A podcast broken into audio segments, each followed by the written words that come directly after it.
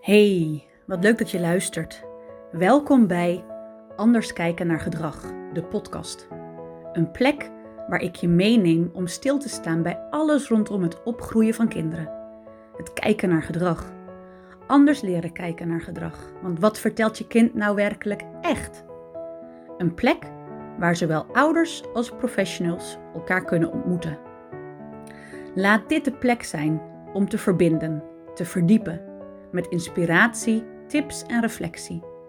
Waar onderwerpen aan bod komen om jouw kind te blijven ondersteunen bij de sociaal-emotionele ontwikkeling, zodat plezier en geluk de drijfveer blijft van de persoonlijke keuzes op weg naar volwassenheid. Ik heb er zin in. Veel luisterplezier. Hey, het fijn dat je er weer bent. Ik heb um, beide recorders weer aangezet. Mocht iemand een ander idee hebben hoe je het op de meest makkelijke manier kan doen en een video maken en geluid opnemen, nou dan shoot. Ik ben heel erg benieuwd hoe anderen dat doen. Op dit ogenblik heb ik dit nu bedacht om op deze manier um, voor jullie en een geluidsopname en um, beeld te hebben. Ik ben er weer en misschien verraadt mijn gezicht nog wel dat ik net heel even overdag de luxe die ik me kan permitteren af en toe. Dus even heb gelegen. Ik wilde de rust hebben om um, iets uitgeruster weer wakker te kunnen worden. Straks aan het einde van de dag komt mijn liefste komt Jip weer. En daar heb ik uh, voldoende energie voor nodig. Ik kan uitkijken zo meteen naar een paar dagen weg. Dus wat ik dan nu nog in herstel, omdat ik niet topfit ben, kan gebruiken, is uh, rust. Dus dat heb ik net gedaan. En de afgelopen dagen, weken stonden in het teken van weer het nieuwe programma voor na de meivakantie. Um, creëren, maken en ook uitdragen. En een van de nieuwe dingen die dan komt is de volle hoofdentraining. En vandaag wil ik het heel graag met je hebben over die volle hoofden. Een vol hoofd bij jouw kind, maar hoe komt dat volle hoofd nu eigenlijk vol? En wat betekent dat om een vol hoofd te hebben? Ik had het tijdens de meidenworkshop, een van de laatste workshops, had ik het met de meiden erover of ze dat herkenden, een vol hoofd. En die meiden die gaven aan, ja zeker wel herken ik dat. En uh, soms doet mijn hoofd dan ook gewoon wel echt pijn. Maar ik krijg heel vaak een vol hoofd door te horen achter elkaar. Ik moet dit nog doen en zo meteen moet je daar naartoe. En dan is er dit en daarna is er weer dat. Dus ik hoor heel erg die meiden vertellen zoveel achter elkaar na te jagen op een dag. Dus een volle planning. Um, niet zozeer een volle planning in activiteiten buitenshuis, maar het kan ook binnenshuis zijn. Dat er weinig herstel is. En ergens herken ik dat, omdat ik wel opmerk dat we in de afgelopen jaren, en vooral misschien wel nu deze bijzondere tijd, um, we houden ervan om gewoon heel erg geprikkeld te worden. Om geprikkeld te worden op welke manier dan ook. Maar die prikkels komen wel vanuit die zintuigelijke waarneming, vanuit die zintuigelijke systemen. Dus alle elektrische apparaten hebben tegenwoordig knopjes om ons te laten weten dat ze starten, stoppen, klaar zijn. We maken zelf continu meer geluiden vanuit muziek bezig zijn. Misschien wel omdat we het niet meer gewend zijn om geen geluid en dus stilte om ons heen te moeten hebben. En ik merk zelf op, ook in een stuk waarneming en wel graag geprikkeld willen raken, dat ik mezelf er ook wel in herken. Als ik inderdaad thuis geen geluid op heb staan, dan heb ik wel een schermpje op staan. Dan wil ik het warm hebben, dus dan zet ik de temperatuur wat hoger.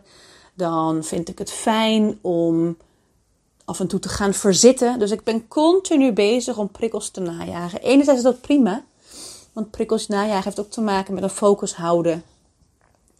Uh, met concentratie aangaan of juist ontspannen.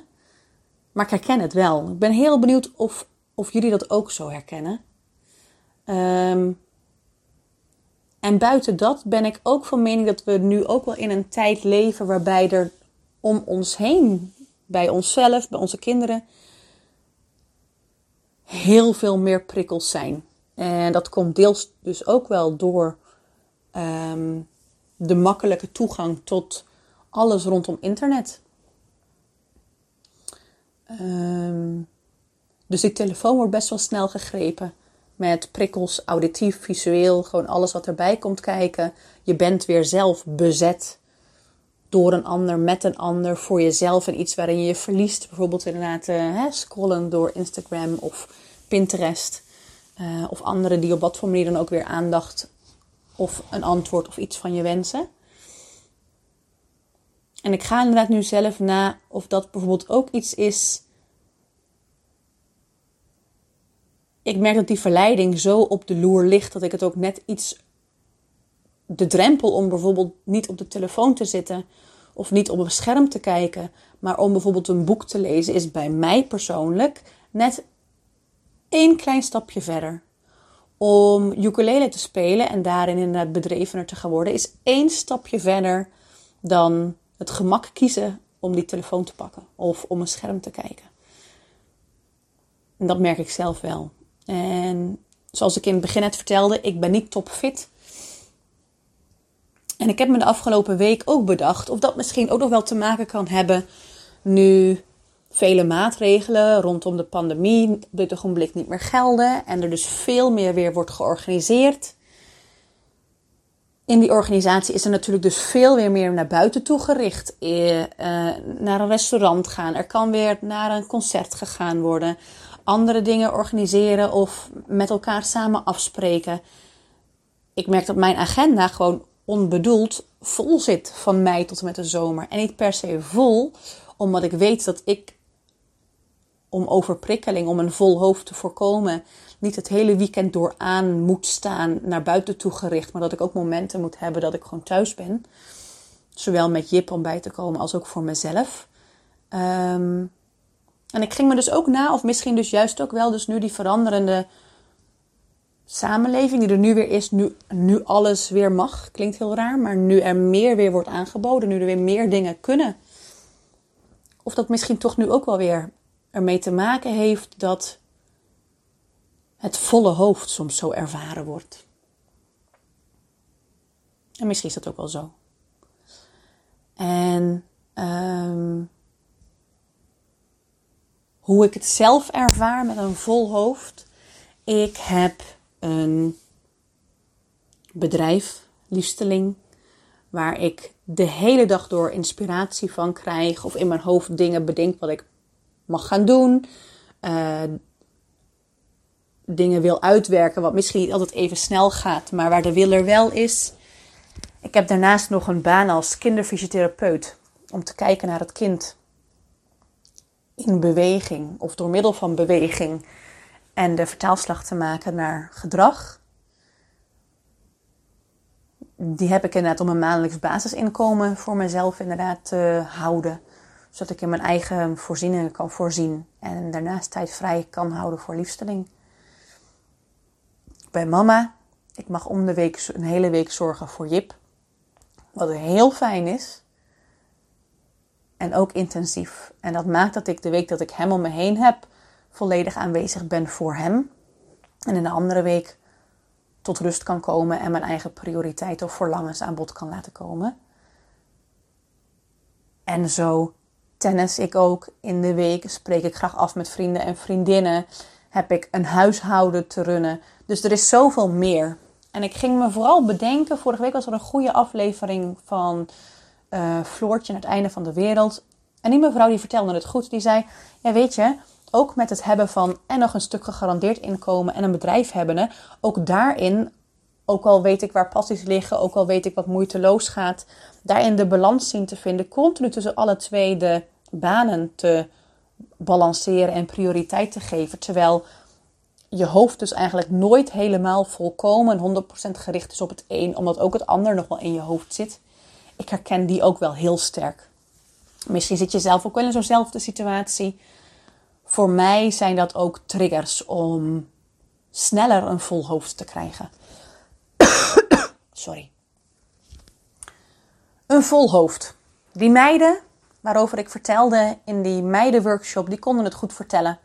Het gevoel hebben heel erg veel te moeten op een dag. En dat kunnen klusjes zijn, dat kunnen activiteiten zijn naar buiten toe gericht. Maar het gevoel hebben veel achter elkaar aan te staan. En ik ervaar dat ook zo. En hoe komt dat nou? Een vol hoofd. Alles om ons heen, alle zintuigelijke waarnemingen. Dus alles om ons heen nemen we waar. En we nemen dat waar om in onze hersenen er betekenis aan te kunnen geven. Betekenis eraan te kunnen geven, oké, met deze prikkel hoeven we niks. Betekenis eraan te geven, hé, hey, ik hoor de spoorwegovergang omlaag gaan, ik moet nu stoppen. Betekenis geven, ik hoor ergens ehm, een feestje gaande zijn.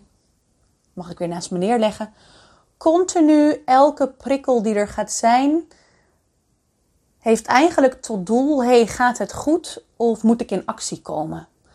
En al die prikkels rondom zicht, geur, dat wat ik hoor, dat wat ik voel om me heen, dat wat ik van anderen inderdaad hoor in communicatie, dat wat ik van binnen voel, heb ik honger, moet ik plassen, moet ik hoesten, krijg ik een hoestprikkel. Al die prikkels samen geven ons informatie. En die informatie, die dus, als we het toch hebben over een samenleving nu waarbij er continu prikkels zijn en waarbij dus ook wij continu geprikkeld willen worden, dat maakt dat we de hele dag door prikkels binnenkrijgen. En die prikkels die gaan naar een regelsysteem in de hersenen. In de hersenen zijn er heel veel regelsystemen. Het ene regelsysteem houdt in: ehm, ga ik over tot actie? Ga ik over tot welke actie? Gaat die actie hard of langzaam? Uh, moet ik erop aanpassen? Maar dus ook een actie, het regelsysteem in het centrum van de hersenen, de thalamus. Dat is het regelsysteem dat elke afzonderlijke prikkel weer naar het volgende regelgebiedje stuurt. Dus elke prikkel moet geëvalueerd worden in die thalamus om daarna weer een uitvoerende werking te kunnen gaan hebben, een uitvoerende actie erop te vervolgen of niet. Bij elke prikkel die binnenkomt. Dus die thalamus op de dag, die heeft het zwaar. Of in ieder geval, die krijgt veel prikkels tot zich. En dat regelsysteem kan dus ook wel eens overbelast raken. En als het overbelast raakt, dan ga je dat zelf voelen in eigenlijk een stukje, nou ja, letterlijk als we het over een, uh, over een auto hebben en een motor die overbelast gaat zijn, in, in oververhitting. Dan word je wat geïrriteerder. Misschien heb je wel honger, maar kun je nog niet eten. Nou, denk aan dat hangry gevoel. Word je wat geïrriteerder. En er komt nog een prikkel en nog een prikkel. En in één keer val je uit. Of denk aan die driftbui van jouw kind. Er is iets voorgevallen wat misschien nog niet tot de climax leidt. En in ene keer struikelt je kind over het kleurbakje waarin de yoghurt is opgeschept. Of dat hij het zelf wilde doen en jij hem wil helpen. Dat emmertje gaat al vollopen en het hoeft dus nog maar één kleine kwinkslag te zijn. En het is genoeg. En ik als volwassene kan dat soms nog enigszins in goede banen leiden. Dat ik mezelf voel dat ik geïrriteerd raak. Of dat ik voel dat ik vermoeid ben. Of dat ik voel dat ik geprikkeld word in gehoor. En dat ik daarin dus actie in kan ondernemen. Of aangeef, ho, het lukt me nu even niet. Ehm, stop. Bij kinderen, die voelen dat nog minder. Die voelen nog minder welke prikkels er veel tot hun komen. En minder en dan ermee te doen. Dus het gevolg bij kinderen is inderdaad vaak boosheid of drift, wat dan ook maar gaat zijn. Wat ik heel goed vind, is namelijk naast die externaliserende manier die er is om overprikkeling, om een vol hoofd tegen te gaan, dat ik ook merk dat er ook mensen zijn, en ik ken het van mezelf, ik ga me nog meer afsluiten. En ik zie het ook bij kinderen gaan weglopen, in een klein hoekje zitten, uh, gaan zich verstoppen of in een donker holletje zelf zitten, om zich ook te kunnen gaan reguleren. En dan is het hierbij nog wel inderdaad slim om daarin nog een stukje misschien wel toe te voegen op het stuk, hey, Maar al die prikkels die binnenkomen, dat is voor ieder toch ook verschillend. Dat klopt. Hè? Waar ik je eerder al heb verteld in een eerdere aflevering over die drempelwaarden. Dus de ene prikkel komt wel binnen. Die gaat over dat drempeltje heen en moet verwerkt worden. De andere prikkel komt nog niet binnen. Dus die drempelwaarde is niet hoog genoeg. Dus die prikkel wordt inderdaad niet meer tot het regelsysteem toe. Um, hoeft niet meer tot het regelsysteem toe verwerkt te worden. Elke prikkel en de gevoeligheid daarvoor heeft een andere drempelwaarde. Maar weet dat als ik dus gevoeliger ben, dat die drempelwaarden soms ook veranderen. En als ik niet lekker in mijn vel zit, misschien ken je het wel dat je zieker bent en dat je geen licht wil hebben, dan betekent inderdaad dat die drempelwaarde voor al het licht veel lager is geworden. Dus alles rondom licht is veel sneller tot je gekomen en wordt als, in dit geval nu als irritant bestempeld. Dus als kinderen een um, donker hoekje op gaan zoeken, betekent dat niet per se dat ze verstoppertje gaan doen. Maar dat kan ook al een teken zijn van regulatie. En als kinderen dus inderdaad echt even heel erg boos worden, gaat het vaak niet eens over dat voorval wat er was. En dan zou je het als ouder het liefste wel willen stillen, die boosheid, of snel willen verhelpen. En ga maar eens bij jezelf na waarom dat is, een snelle boosheid willen verhelpen. Want misschien triggert die boosheid bij jou een stressreactie. En is het jouw stressreactie die je minder goed weer kan hebben, omdat je op de dag door ook al gevuld wordt en dat er niet bovenop kunt krijgen. Maar soms is het wel heel erg goed om dat volle hoofd en die boosheid er volledig te kunnen laten zijn. Om dan die emmer met zoveel prikkels en dus een vol hoofd echt leeg te kunnen laten lopen. In plaats van dat je het op het randje maar kunt blijven reguleren. Dat de boosheid er niet volledig uit mag gaan. Want van wie niet? Van wie mag die er niet uitgaan? Van jou, omdat jij misschien wel niet die volledige boosheid kunt handelen. soms willen we dat op, optoppen en um, inbedden of stelpen dat het er niet kan zijn. Weet dat als jouw kind volledig even ontploft en je wel nabij kunt zijn. Daarbij heb ik het niet over wat je kunt doen in een driftbui en wat het beste kan zijn. Maar dan gaat die emmer echt leeg. Um, en wat zou het dan dus fijn zijn om te weten wat jou triggert en hoe jij dus een vol hoofd krijgt. Welke soorten zintuigen jij over het algemeen meer waarneemt of die sneller voor irritatie zorgen of die als eerste voor een stuk overprikkeling zorgen. Die als eerste zorgen voor een vol hoofd. Wat zou het fijn zijn als je daar wat meer inzicht in gaat krijgen? Dat is wat ik ook hoorde bij de meiden. Die gingen vertellen, ja weet je, ehm, het is heel fijn om te weten waarom ik een vol hoofd krijg. En dat kan ik bespreken door te zeggen, hey, ik moet zoveel. En daarin kunnen we elkaar misschien handreikingen aangeven naar ouders toe, naar de kinderen toe in een stuk. Ik heb je gehoord, ik ga het niet nu doen, maar zometeen komt het. Of ik heb je gehoord, ik schrijf het op. Um, lijstjes maken, op een andere manier weer naast je neer kunnen leggen. Zeker als er veel van je op de dag gevraagd wordt.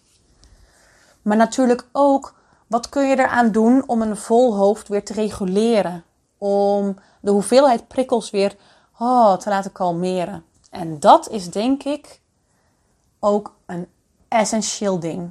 Waarin ik niet een standaard aanpak heb voor iedereen omdat de prikkels persoonlijk zijn. De situatie is persoonlijk. Dat heeft dus te maken met onder andere die drempelwaardes. Het hangt per persoon af wat jij fijn vindt. En ik merk dat daar nog wel de meeste behoefte aan is. Om te weten, goh, wat laat mijn kind nu prettig vinden om te reguleren? Wat kan ik mijn kind aanbieden om tot rust te gaan komen? In een volgende uitzending ga ik je zeker een aantal praktische tips en adviezen geven. Wat jij kunt toepassen bij jouw kind, het jonge kind en ook het oudere kind. Het verschilt nog wel eens. Maar zeker kan ik je erbij helpen om boordevol ideeën aan je over te dragen. Om te kijken of je er iets uit kunt halen voor jouw kind. Dat gun ik je. Dit was dus een inleiding in hoe dat nou dus komt, dat volle hoofd. Er komt een vervolg om te bepalen, om samen te inspireren hoe dat volle hoofd nou weer te reguleren. Bij jouw kind en misschien ook wel bij jou. Want dat wat jij prettig vindt, ziet je kind en kopieert je kind. En misschien helpt het hem of haar. En dat wat je je kind ziet doen, misschien triggert dat ook wel weer iets van jou wat je stiekem wel heel prettig vindt. En inspireert het jou weer om meer daarin te bewegen, van te benutten, om te gaan reguleren. Ik wens je een hele fijne dag, een heel fijn moment waarop je dit luistert. Vervolg van wat, wat je gaat doen. Mocht je nu al vragen hebben, mocht je ideeën hebben, laat het me weten. Ik zou het super leuk vinden om met je in contact te komen. Dank je wel voor dit moment en uh, tot de volgende keer. Dank je wel. Camera uit. En dan ga ik ook nog hier voor jullie de dictafoon uitzetten. Dank je wel dat je er was en tot de volgende keer dat je luistert. Fijne dag. Deze podcast wordt gemaakt door Liefsteling. Liefsteling Kindercoach. Ik ben een enthousiaste, eigenzinnige creatieve deurval. Graag kom ik met je in gesprek over dat wat jij beleeft, jouw ervaringen en strubbelingen. Je kunt op Instagram met me in contact komen door me een berichtje te sturen. Mocht je de podcast van waarde vinden, dan zou ik het super leuk vinden als je een korte review achterlaat of mij tagt in jouw story. Zo weet ik wie er luistert en waar jullie van aangaan. Tot de volgende keer en een liefste groet, een dikke knuffel voor jouw liefsteling.